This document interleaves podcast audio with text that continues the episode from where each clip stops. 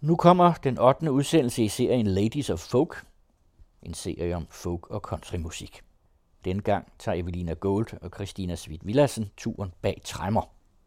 Det skal nemlig handle om fængsler, fængselssange og om at tage mere eller mindre gode beslutninger.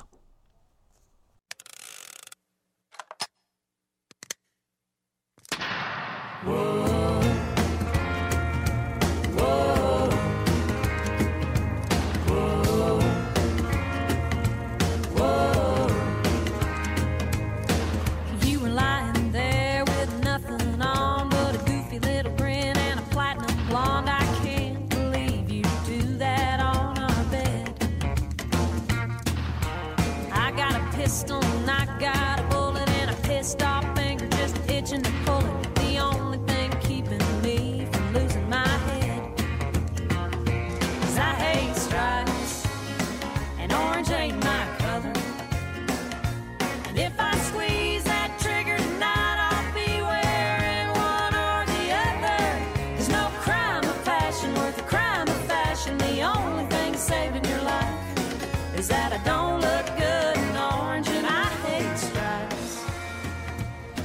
Det er en farlig kombination, det der med at finde ud af, at ens kæreste har været sammen med en blondine i dobbeltsengen oven i købet, og så have en pistol på sig.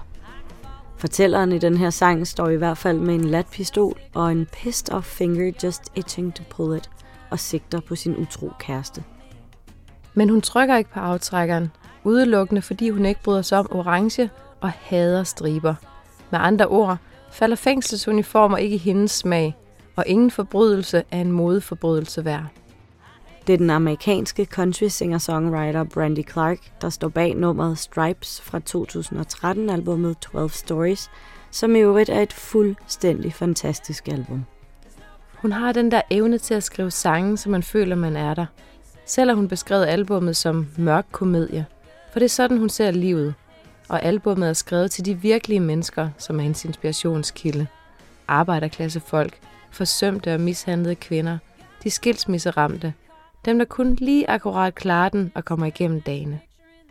Country, folk og rock singer-songwriteren Steve Earle har kaldt Brandy Clark for en af de bedste sangskrivere i nyere tid, og en badass on top of it.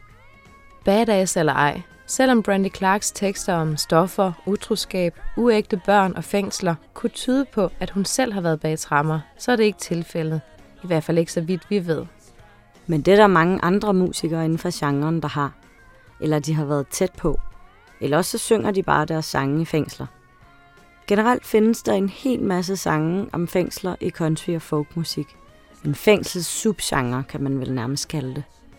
Det er også et evigt godt sangtema. Ja, og af den grund, og også fordi vi begge er ret fascineret af fængselslivet og er vilde med alle de historier, der gemmer sig bag murene, så skal det her afsnit handle om lige netop fængsler. Prisons, jails, penitentiaries, correctional facilities. Eller, hvis I lige vil have lidt amerikansk fængselsslang med, Skinner Joints, Stony Lonesomes, Con Colleges, Grey Bar Hotels, Big Houses, Slammers, Calabooses, Castles, Farms, Guardhouses, jocks, Pens, Rocks eller Sneezers.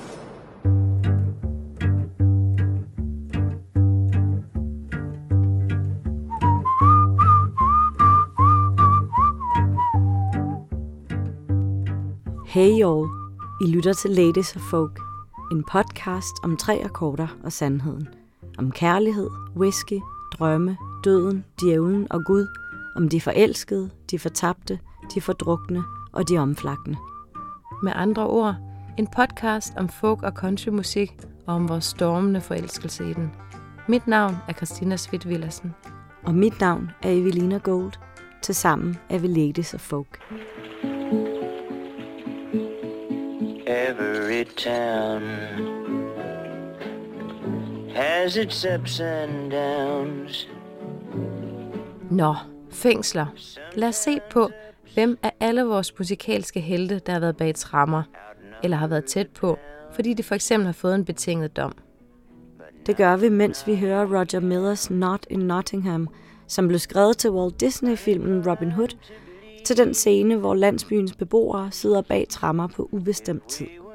Udover Nottinghams beboere har mange countrystjerner været i fængsel, og de virkelige historier er som countrysangene, fyldt med finurlige detaljer, så vi har været nødt til at slå en del darlings ihjel. Men for at starte et sted, kan vi tage Randy Travis. Han har skrevet et hav af sange om tro og Gud, blandt andet den smukke Three Wooden Crosses, som er en sang af nærmest nytestamentlige dimensioner. Men ingen er fejlfri. I 2012 blev Randy Travis taget for at drikke vin bag rattet i sin bil, ironisk nok på en kirkes parkeringsplads. Og seks måneder senere bliver det endnu vildere. Randy drikker igen bag rattet. Han får ulykker og forlader bilen. Af urensagelige årsager tager han alt sit tøj af. Derefter forsøger han at købe cigaretter, nøgen, og bliver arresteret, da politiet får et tip om, at der ligger en nøgen mand midt på vejen. For i mellemtiden har han taget sig et tiltrængt hvil. Det fik han en betinget dom for. Der er også Glenn Campbell, som nok er mest kendt for sangen Rhinestone Cowboy, og som døde af Alzheimer's i 2017. Der er i øvrigt en meget smuk dokumentarfilm om hans sidste tid på Netflix. Glenn Campbell solgte gennem sin karriere 45 millioner albums, og i 1968 solgte han flere end The Beatles. Men udover det har den pæne mand altså også været i fængsel. Man skulle ikke tro det, men i 2003 blev han taget for drunk driving, efter at han havde kørt sin BMW ind i en anden bil og var flygtet fra gerningsstedet. Det var, hvad det var. Men da politiet så kom for at arrestere ham, sparkede han betjenten. Det fik han 10 dage i fængsel for. Han mente angiveligt ikke selv, han var så fuld. Han var bare overserved. Ansvarsfralæggelse? Tjek. Apropos drunk driving, så tog en anden countrymusiker, George Jones, den disciplin til nye højder i slutningen af 1960'erne, da hans kone i en periode gemte hans bilnøgler for at forhindre ham i at køre ud efter mere sprut. I stedet hoppede han bare på sin John Deere plæneklipper og kørte til den nærmeste liquor på den. Historien er blevet så ikonisk, at referencer til den optræder i mindst to musikvideoer. Vi har ikke kunne finde ud af, om George Jones nogensinde har været i fængsel, men vi fandt et klip fra en dokumentarfilm, hvor han blev arresteret, så det har i hvert fald været tæt på.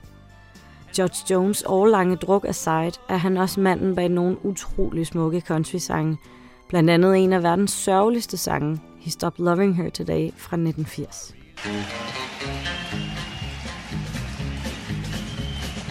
Early one morning while making the rounds I took a shot of cocaine and I shot my woman down I went right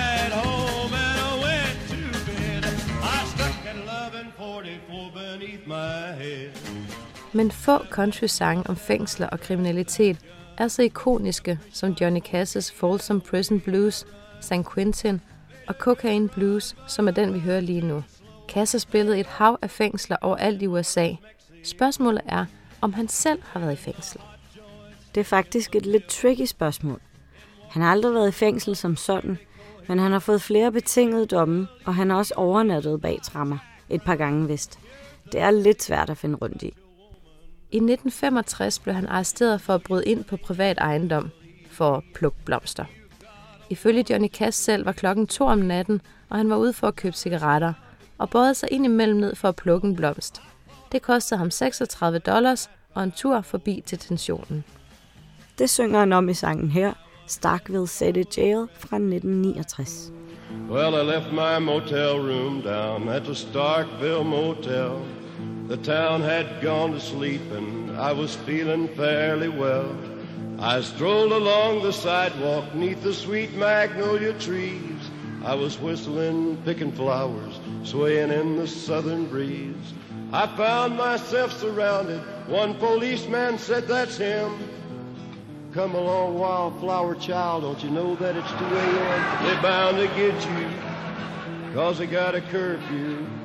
And you go to the Starkville City Jail. Well, they... Johnny Cass har også fået en betinget dom for at smule amfetamin og andre piller over grænsen fra Mexico til El Paso i Texas i sin guitarkasse. Og så er det de gange, hvor Johnny Cash måske nok godt kunne være endt bag trammer. Som dengang i 1965, under et flere dage langt amfetamintrip i en nationalpark i Kalifornien, hvor der gik ild i hans autocamper, hvilket startede en skovbrand. Branden ødelagde 206 hektar land, brændte alt grønt væk fra tre bjerge og sendte 49 af parkens 53 truede kondorer på flugt. Ifølge andre kilder døde de mange fugle endda. Og bare lige for at sætte det lidt i perspektiv, så var der i 2017 kun 463 kondorer i hele Kalifornien. Så det er alligevel en god slat, den kære Johnny måske fik taget livet af. Og hvis I heller ikke er skarpe i hektar, så kan vi fortælle, at de 206 hektar cirka er det samme som 206 fodboldbaner, medregnet alt det grønne udenom kridtstregerne. Sådan cirka altså, fordi der er åbenbart store forskel på, hvor stor en fodboldbane egentlig er. Anyway, i retten spurgte dommeren Johnny, hvorfor han startede den skovbrand. Hvortil han svarede, I didn't do it. My truck did, and it's dead, so you can't question it. Lidt straf fik han dog. Han endte nemlig med at betale en bøde på lige omkring 82.000 dollars. Og bare lige for at få det slået fast én gang for alle. Johnny Cass har aldrig skudt en mand i Reno, bare for at se ham dø. Den linje i Folsom Prison Blues digtede han, fordi det var noget af det ondeste, han kunne forestille sig. Oh, one, two, three, four.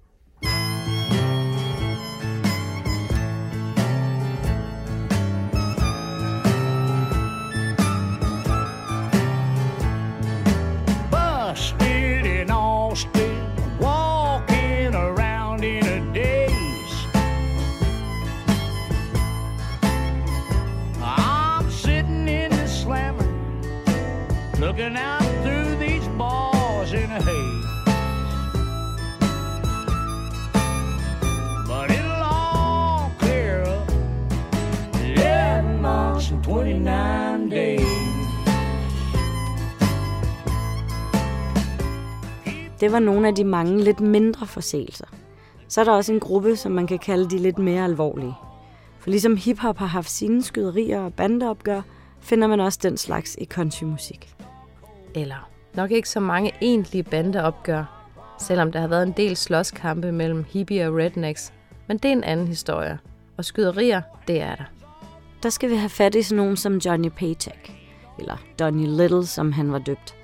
Navnet Johnny Paycheck blev valgt, fordi efternavnet mindede ham om en polsk bokser, og fornavnet vist nok, fordi man på det tidspunkt, rent karrieremæssigt, havde ret meget held i sprøjten, hvis man hed Johnny til fornavn.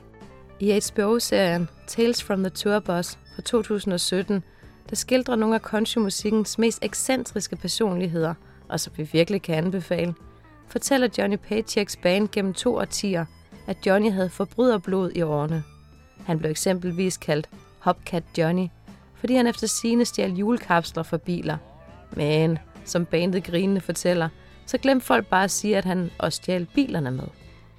Johnny Paycheck stjal ret mange biler gennem tiden, og indimellem var han hjemløs.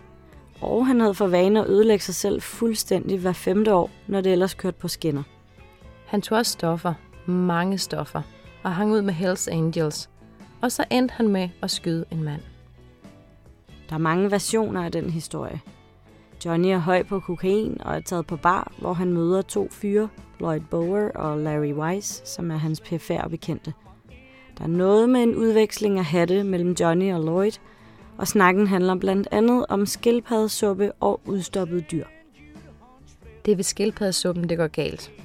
Måske fordi Johnny er sulten, og Larry og Lloyd har suppen i bilen. Måske fordi der er uenighed om suppeopskriften. Og måske fordi der ryger nogle fornærmelser gennem luften. Det er der forskellige versioner af.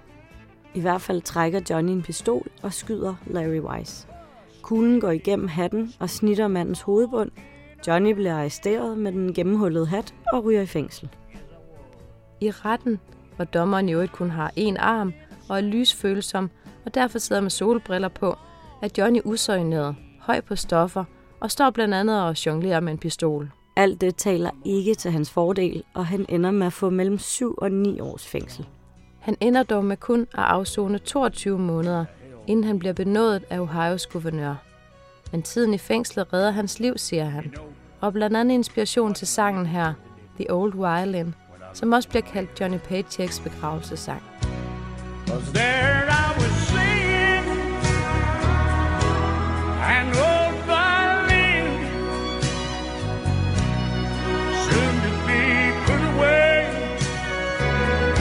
never played again. And just like that, it hit me. Why, that old violin and I were just alike.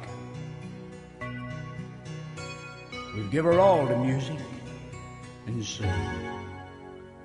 We'll give our life. Men det stopper ikke ved Johnny Paycheck.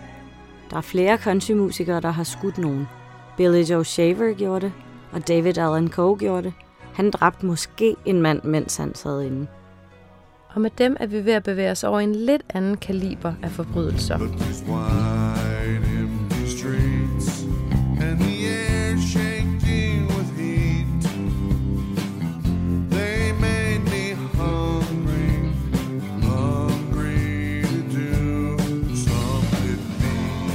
Og så er der den nærmest rendyrkede ondskab. Historien om Spade Cooley. Spade Cooley, der indtil en heldig aften ved pokerbordet hed Donald Clyde Cooley, er en af flere, der blev kaldt The King of Western Swing. Ikke mindst af ham selv. Western Swing er en af countrymusikkens undergenre. Det er optempo dansemusik, der opstod i Texas og blev spillet i de store dance halls i Texas, Oklahoma og Kalifornien i 30'erne og 40'erne. Genren var en fusion af Dixieland jazz, country, cowboymusik, polka, folk, blues og swing. Og musikken blev spillet af et stringband og suppleret op med trommer, saxofoner, klaver og stilguitar.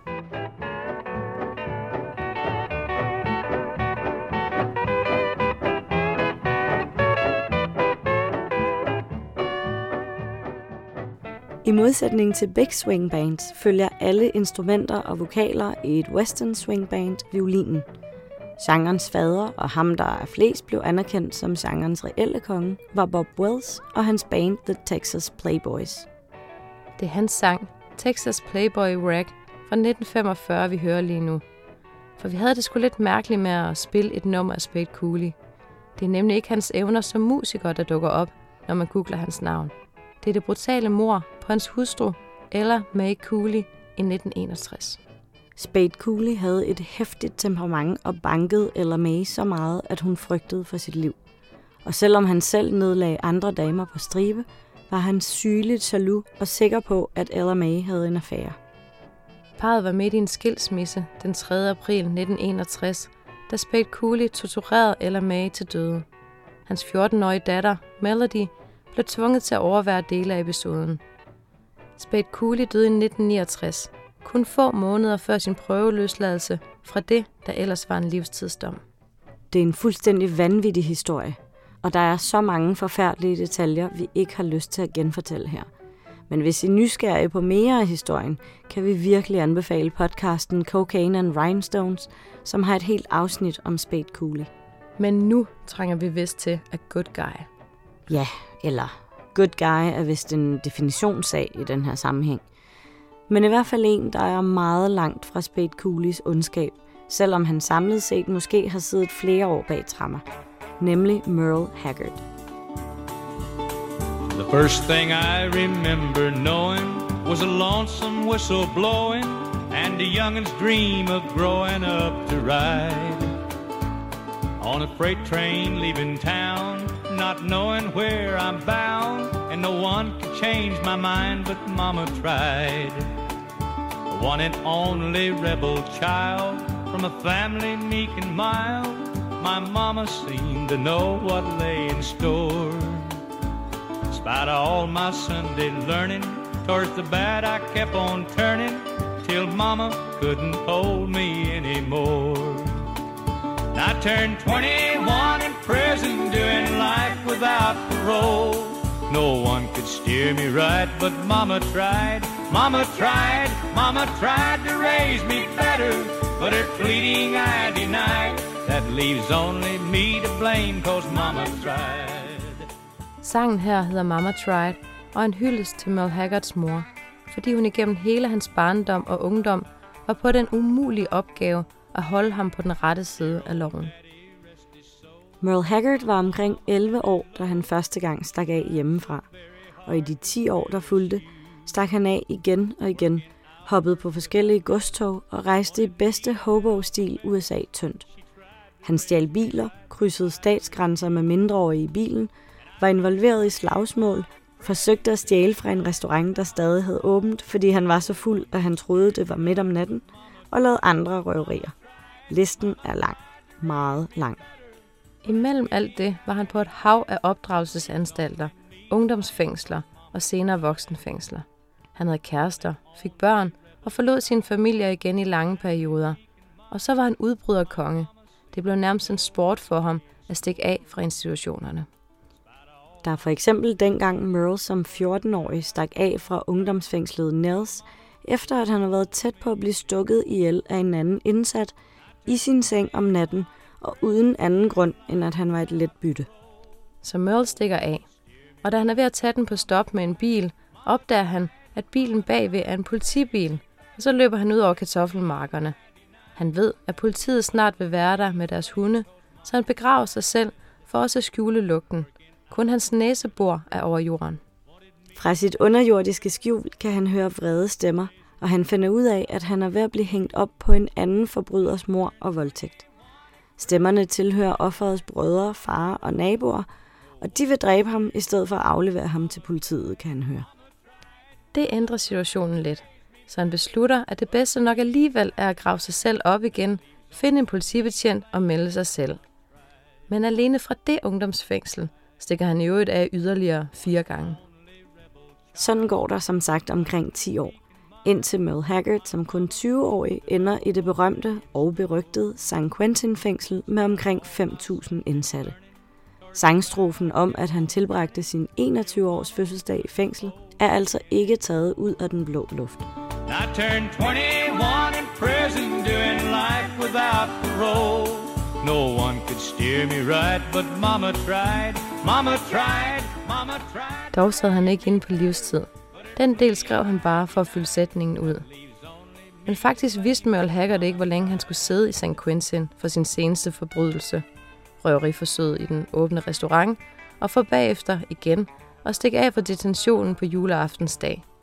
Hans fortid som udbryderkonge var også en medvirkende årsag til, at han var endt i det berygtede San Quentin. Politiet var simpelthen blevet træt af hans Houdini-tilbøjeligheder. Det der med at stikke af er noget, som Merle mest har set som en joke indtil da. Men nu bliver det dødeligt alvor. For i St. Quentin slår fangerne hinanden ihjel for en pakke smøger, eller helt uden grund.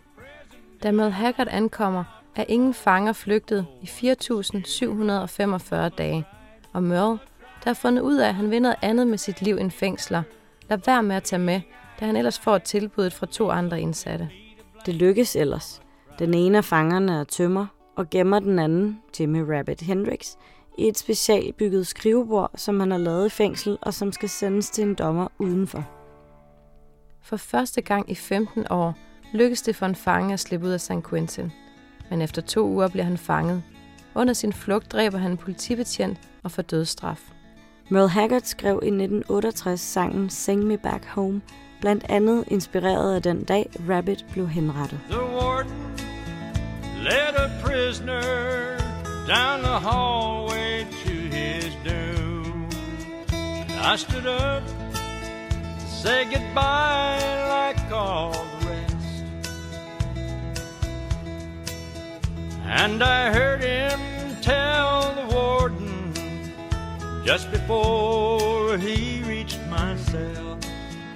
Let my guitar playing friend do my request. Let him sing me back home with a song I used to hear and make my old memories come alive and take me away and turn back the years and sing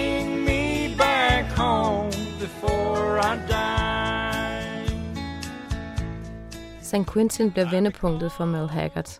Efter det er det slut med hans kriminelle løbebane. Han satte sig i stedet på musikken. Et ret godt valg, må man sige. På Heartland Festival i år hørte vi Chris Christofferson og fik lov til at interviewe hans fiddle player, Scott Joss. Udover at være en virkelig dygtig violinspiller og selv skrive sange, har han blandt andet også spillet i Merle Haggards berømte band The Strangers, indtil Merle døde i 2016. Og nu turnerer The Strangers altså med Chris Christopherson. Vi spurgte Scott Joss, om det med Merles kriminelle fortid var noget, de talte om i bandet dengang. Men det var der ingen grund til, siger han. Alle kendte jo historierne i forvejen, og de lå i fortiden. Merle brød sig ikke om at tale om det. I stedet talte de om musik og om de vigtige ting i livet. Og så var Merle rigtig god til at tage unge musikere med talent under sine vinger og lære fra sig. På den måde var Merle Haggard en pragtfuld fyr, fortæller Scott. Under koncerten på Heartland spillede de flere af Merle Haggards sange. Det havde Chris og hans kone Lisa bestemt, netop på grund af arven i The Strangers. Og det synes Scott Joss også var helt på sin plads. Um, I think that's the least we can do for Merle, for everything he did for all of us musicians and those of us that lived those songs. And it was like my life was was one of those songs. Every time he put one out, it was what was going on in my life. It seemed like so, real, real big attachment there. Scott Joss bliver oprigtig rørt, når han taler om Merle Haggard. Og han er et meget godt eksempel på, hvad Merle Haggards sange kunne. De satte ord og musik til virkelige menneskers virkelige liv. Og det er jo lige præcis det, som gode country-sang er så fandens gode til. Og hvad det kriminelle liv angår, så lagde han det altså virkelig bag sig den gode Merle Haggard. Men uden sin fortid var han måske aldrig blevet musiker. Der er i hvert fald kommet utrolig smukke sange ud af hans tid bag trammer. Mm-hmm.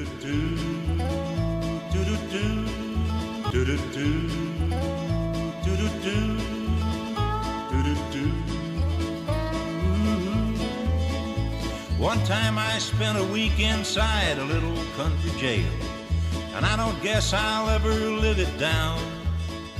Spørgsmålet er, hvorfor fængsler fylder så meget i folk- og countrymusik.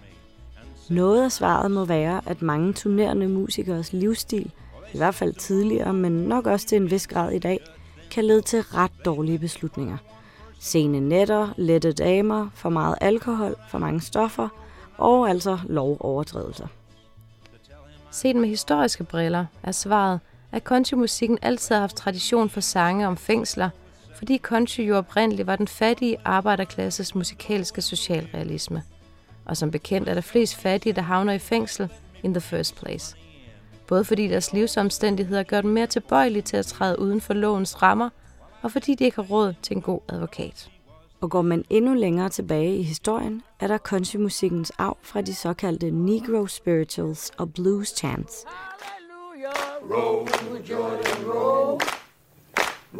Altså sange, som de afroamerikanske slaver i sydstaterne sang i bomuldsmarkerne og sukkerrørsplantagerne for at komme igennem det barske arbejde. Sangene var en ventil for deres håb, længsler og de uretfærdigheder, som de jo ellers ikke kunne sætte ord på over for deres fangevogter. Siden dengang er fangesange og fængselssange blevet en populær del af genre som country og hiphop, som et fortællemæssigt greb for arbejderklassens antihelte. Og så er der også den detalje, at det i USA simpelthen er mere almindeligt at ryge bag trammer, end det eksempelvis er herhjemme. USA er det land i verden, hvor flest sidder i fængsel. 655 ud af 100.000 indbyggere ifølge tal fra 2018, eller 2,1 million mennesker. Udover det har vi en tese om, at det i USA også er lidt lettere at ryge detentionen bare for en enkelt nat for at sove den ud. Eller i hvert fald at blive anholdt. Vi har ikke kunne finde tal for det, så det bygger mest bare på alle de historier, vi har hørt og læst. Også fra yngre musikere. Som Call to Wall, der har skrevet en af vores yndlingssange, 13 Silver Dollars, der handler om dengang, han blev arresteret for at ligge fuld i sneen i sin kanadiske hjemby Swift Current, der i sangen er omdøbt til Speedy Creek. Han spillede den for os, første gang vi interviewede ham på Tønder Festival i 2017. So um, this song I'm going to play is called 13 Silver Dollars. It is a true story about uh, me uh, making bad decisions and getting arrested in my hometown in Canada. Here we go.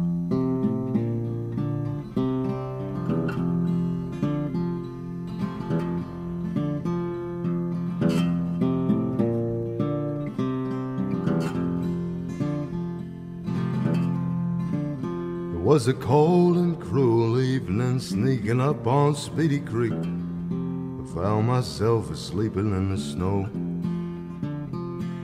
For one or two odd reasons I ain't too proud to repeat. For now we'll say I had no place to go.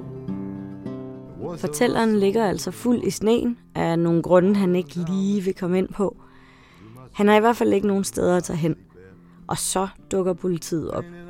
Betjenten beder om hans navn og adresse, men som svar vælger han at synge en gammel Jimmy Rogers sang, Blue Yodel Number 9, som handler om at blive arresteret. Politimanden fanger tydeligvis ikke referencen. The click and the handcuffs bind and grip. Should have left me in the snow where I lay. He just laughed and touched his gun and turned to me. He said, Son, I bet you don't own a damn thing, do you, mate? Well, I got my help, John B. Stetson. Got a bottle full of baby's bluebird wine. And I left my stash somewhere down in Preston, along with 13 silver dollars in my mind. Nå, jeg ved jo nærmest alt om dig, men nu slog det mig pludselig. Du har ikke skjult for mig, at du har været i fængsel, vel? Altså, politiet bad mig engang om navn og CPR-nummer, fordi jeg efter en rigtig god fest havde badet i havnen ved at springe vandet fra en stor båd. Og det havde simpelthen ikke strejfet mig, at båden var privat ejendom. Men de valgte ikke at gøre mere ud af sagen, så jeg har aldrig været anholdt eller siddet i fængsel, nej. Heller ikke mig. Selvom det ikke ville skorte på dumheder, hvis jeg skulle til at skrive selvbiografiske sange. Men jeg har i hvert fald ikke været i fængsel som indsat. Men vi har jo den her fælles fascination af det liv, der leves bag trammer. Mest fordi det er en næsten udtømmelig kilde til skøre, skæve, rørende og forfærdelige menneskehistorier. Og er der noget, vi begge er vilde med, så er det historie. Vi tog i hvert fald vores fascination til nye højder, da vi begge læste journalistik, og i 2009 rejste til Bolivia for at skrive vores speciale fra San Pedro-fængslet i La Paz. San Pedro er det her ret vilde fængsel midt inde i byen, som i øvrigt er den højst beliggende hovedstad i verden, hvor der er koldt som ind i helvede om natten. De fleste indsatte i San Pedro er der på grund af kokainindustrien. Bolivia er nemlig den tredje største kokainproducent i verden, næst efter Peru og Colombia. Der bliver dyrket virkelig mange hektar kokaplanter, som i forarbejdet form kan blive til hovedingrediensen i kokain. Men coca bliver også brugt i te, traditionel medicin og alskens ritualer af den indfødte befolkning. Der er en masse politisk ballade, vi ikke har tid til at komme ind på her. Men pointen er, at St. Pedro-fængslets indsatte er en ret broget skare af små kokabønder, storsmuglere og narkobaroner. Tilsat lidt drabsmænd, mordere og voldtægtsforbrydere. Fængslet er et selvfungerende samfund i samfundet, hvor vagterne ikke kommer inden for murene. De indsatte skal købe deres egne celler og selv finde arbejde i fængslets restauranter, barer, frisørsalonger, børnehaver og den slags. Ingen penge er lige med intet tag over hovedet og sultedøden. I øvrigt flytter mange koner og børn med ind. Dog går børnene i skole uden for murene. Og når ja, prisen på kokain er i perioder lavere i San Pedro end gadeprisen udenfor. Nå, men der tilbragte vi altså store dele af en måned sammen. Og vi overtrådte jo faktisk selv måske ikke en lov, men i hvert fald en regel undervejs. Man må nemlig ikke tage billeder i fængslet. Men de var ret vigtige for de artikler, vi skrev til specialet. Så vi smuglede et kamera ind i fængslet, gemt i et nyindkøbt matadorspil, som vi tog med ind sammen med en masse andet legetøj til fængslets børn. Først tog vi plastemballagen af, lagde kameraet ned i spilæsken, tog plastikken på igen og forseglede det med en lighter, så det så ud, som om det aldrig havde været åbnet. At vi tur. Det fatter jeg faktisk heller ikke. Jeg kan godt huske, at jeg var nervøs, da vi gik igennem sikkerhedskontrollen, men jeg kan ikke huske, at jeg var decideret bange. Til gengæld var der andre tidspunkter, hvor vi måske lige måtte synke en ekstra gang. Som dengang vi blev lukket inde i en af afdelingerne, og ikke måtte komme ud, før deres husmøde var over. Ja, det var lidt ubehageligt. Eller dengang nogle fanger viste os deres hjemmelavede knive eller dengang vi sad i en af fængselsgårdene, og den indsatte, vi snakkede med, pegede på en anden indsat og sagde, ja, ham dog, han har dræbt fem mennesker. Jeg er altså ikke helt sikker på, at jeg turde tage på den samme tur igen i dag. Nej.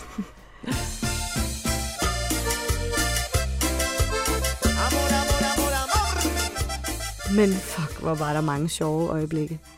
Kan du huske dengang, vi skulle ringe til en af de største narkosmuglere i Bolivia?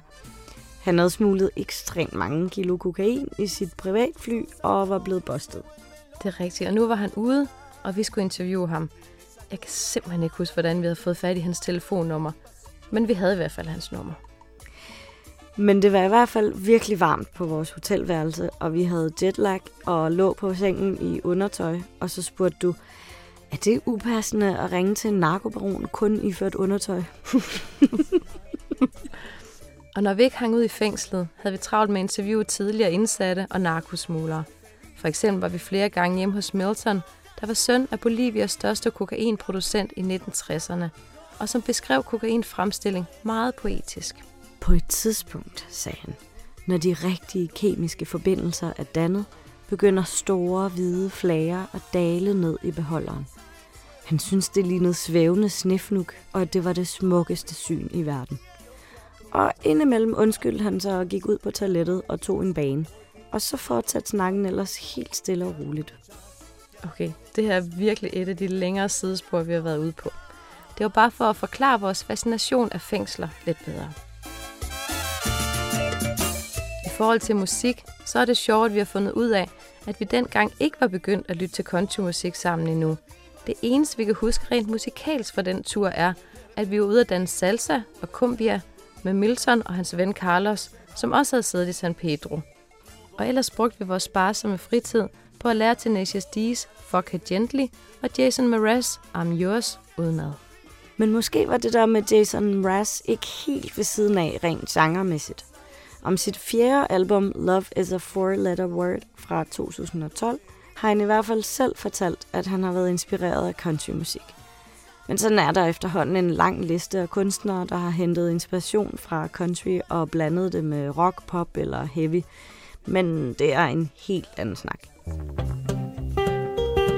Og måske var det faktisk derfor, vi dengang havde tid til at tage om på den anden side af jorden for at skrive speciale. Fordi vi ikke brugte al vores vågne tid på countrymusik. Måske. Men tilbage på sporet. Dear Officer Norris, is that really? Why do all you policemen all look just the same? With your big heavy pistols and your bullets galore. I'll bet your feet are just as flat as the floor. You read us our rights, but you read them too fast. Officer Norris, would you please kiss my ass? Officer Norris, Officer Norris, get down on your knees. Inden vi taler om, hvorvidt der er en morale i alt det her, om man lærer noget af at være i fængsel, bliver rehabiliteret, som det så fint hedder, så er der lige endnu en af vores store helte, der skal med, nemlig Blaze Foley. Faktisk havde vi lidt tænkt, at han ikke skulle med i det her afsnit, fordi vi ikke kunne finde ud af, om han har været i fængsel eller ej. Men så kom jeg til at lytte til en liveoptagelse fra 1988, optaget på baren Austin Outhouse, hvor han mellem numrene fortæller om, hvordan han engang endte i detentionen for en enkelt nat.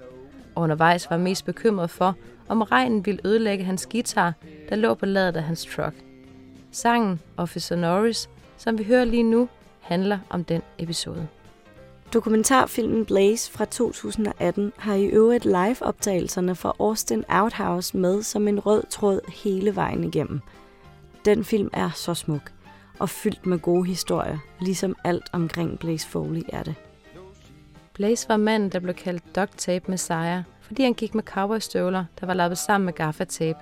Han var manden, der døde alt for ung i 1989, fordi han ville forsvare sin ven fra vennens egen søn, der var misbruger, og som endte med at skyde Blaze.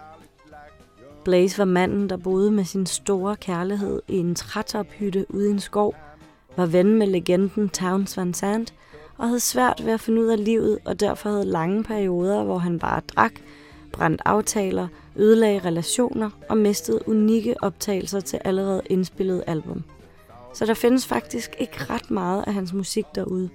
Men det, der findes, det er helt fantastisk. Som for eksempel Clay Pigeons, som en af vores venner for nylig beskrev som en før versus efter sang. I'm going down to Greyhound Station, gonna get a ticket to ride. Find a big fat lady with two or three kids and sit down by her side. Ride till the sun comes up and down around me about two or three times. Smoking cigarettes in the last seat. Try to hide my sorrow from the people I meet and get along with it all. Go down where people say, oh, sing a song with a friend. Change the shape of a man. And get back in the game. Start playing again. Der er faktisk generelt et før og et efter, at man opdager Blaze Foley. Og efter meget kort tid forbander man, at han døde alt for tidligt og ikke nåede at skrive flere sange. Han nåede heller ikke at få sit liv på rette kurs, inden han døde. For andre af de musikere, vi har fortalt om i afsnittet her, bliver fængslet det vendepunkt, der får dem til at ændre deres liv. Og for flere af dem bliver det til med også startskuddet til deres karriere som musikere. Da Mel Haggard sidder i San Quentin, kommer Johnny Cash og giver en af sine fængselskoncerter. Det var i 1960, og som Merle Haggard genfortæller det, så var de indsatte mere op at køre her end ved nytårsstripshowet. Og det siger vist ikke så lidt. On a Monday, I was arrested. Uh-huh. On a Tuesday, they locked me in the jail. On a Wednesday, my trial was attested. On a Thursday, they said guilty, and the judge's gavel fell. I got stripes, stripes around my shoulders. I got chains, chains around my feet. I got stripes, stripes around my shoulders. And them chains, them chains, they're about to drag me down. Den koncert bliver et vendepunkt for Merle Haggard. Mange år senere giver han og Johnny Paycheck en koncert sammen i Chillicothe State Prison i Ohio. Mens Johnny Paycheck sidder inde på grund af den der episode, hvor han skød en mand i uenighed om opskriften på skildpaddesuppe. Johnny Paycheck siger, at tiden i fængslet redder hans liv. Det der med at spille koncerter i fængsler og indspille albums bag trammer, var Johnny Cash i øvrigt ikke den første, der gjorde, selvom hans albums At San Quentin Prison fra 1969 og At Folsom Prison fra 1968 nok er de mest kendte. De er i øvrigt heller ikke de eneste album, Johnny Cash indspillede i et fængsel.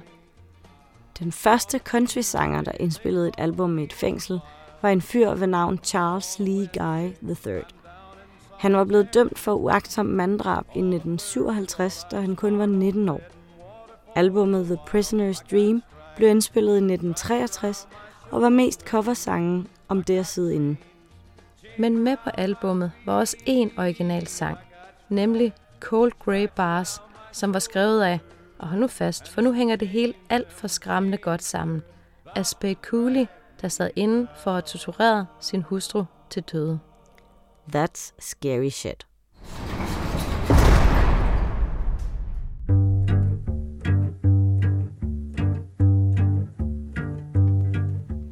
Det var næsten alt for i dag. Tak til jer, der lyttede. Hvis I har kommentarer, spørgsmål eller emner, vi skal tage op, så tøv ikke med at skrive til os på ladiesoffolk Og følg os endelig på vores Facebook-side Ladies of Folk, en podcast om folk og countrymusik. Udover at reklamere for nye afsnit, så deler vi alt mulig bonusinfo derinde. Hvis I kan lide det, vi laver, bliver vi utrolig glade, hvis I fortæller andre om det. Og hvis I vil høre mere om musikken fra det her afsnit, har vi som altid lavet en playliste til jer, så gå ind på Spotify og find listen Ladies of Folk, Jails and Prisons. Denne podcast-serie er produceret i samarbejde med den anden radio og Tønder Festival og redigeret af fantastiske Jytte Nordholt. I næste afsnit kommer vi nok også lidt på kant med loven, og i den grad med musikalske normer. Det kommer nemlig til at handle om bandits og outlaws. Både de fiktive romantiske outlaw-figurer i country-sangene, og de musikere, der gav Nashville fingeren i 1970'erne og skabte den bevægelse, der blev til subgenren outlaw country og sidenhen til amerikaner. Men inden vi slutter helt, skal vi lige have en sang mere. Tematisk minder den os altid om Merle Haggards Mama Tried, men musikalsk er det noget helt andet. Den smukke fortælling om forkerte valg, 25 to Life fra 2012, er skrevet og sunget af The Stray Birds, en folk bluegrass trio fra Pennsylvania, som desværre splittede op i juli 2018 og nu laver musik solo og i andre konstellationer. Men heldigvis har vi nået at høre flere magiske koncerter med dem på Tønder Festival gennem årene. Hvis I leder efter 25 to Life, så er det dog godt lige at være opmærksom på, at Eminem har lavet en sang med samme titel. Den er altså i vores univers ikke nær så smuk. Men her er den altså, i al sin bluegrassede skønhed, med Maja de Vitris smukke dybe vokal og fiddle, Oliver Cravens guitar og harmonier og Charlie Munchs kontrabas. There ain't no romance in 25 to life. Og så alligevel.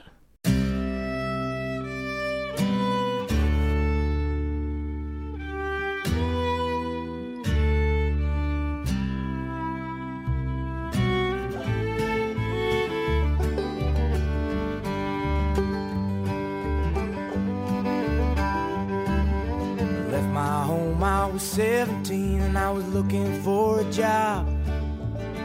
When I met them no good friends of mine, They gave me all kinds of bad advice and they taught me how to rob. Said they'd always be there down the line. Be there down the line. I got my very first 12 gauge. I got a half a dozen shells. Come to find that one was all I need. I didn't waste no time thinking I got right down to the job. That night a grown man would bleed.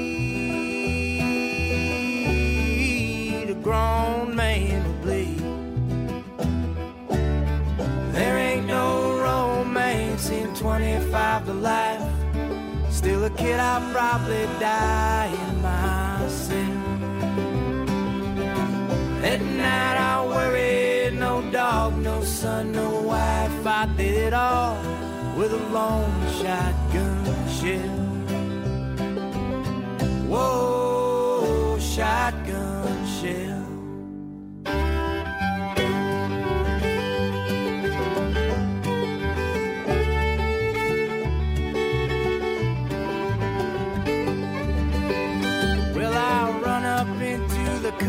store, I demanded the cash.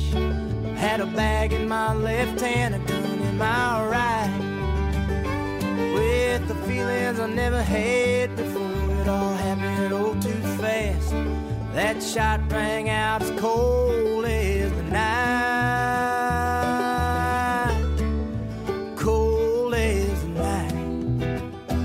A dust cloud rose up in the air, the blood flowing from his mouth. Eyes wide open, they were staring back at mine.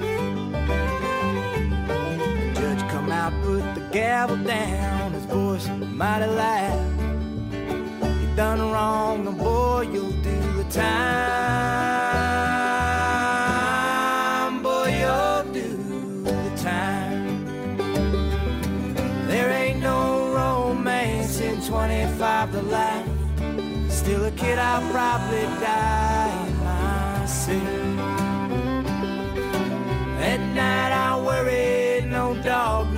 no no wife. I did it all with a lone shotgun shell. Whoa, shotgun shell. There ain't no romance in 25 to life. I'm still a kid, I'll probably die in my cell. Hell, at night I worried, no dog, no son, no wife. I did it all,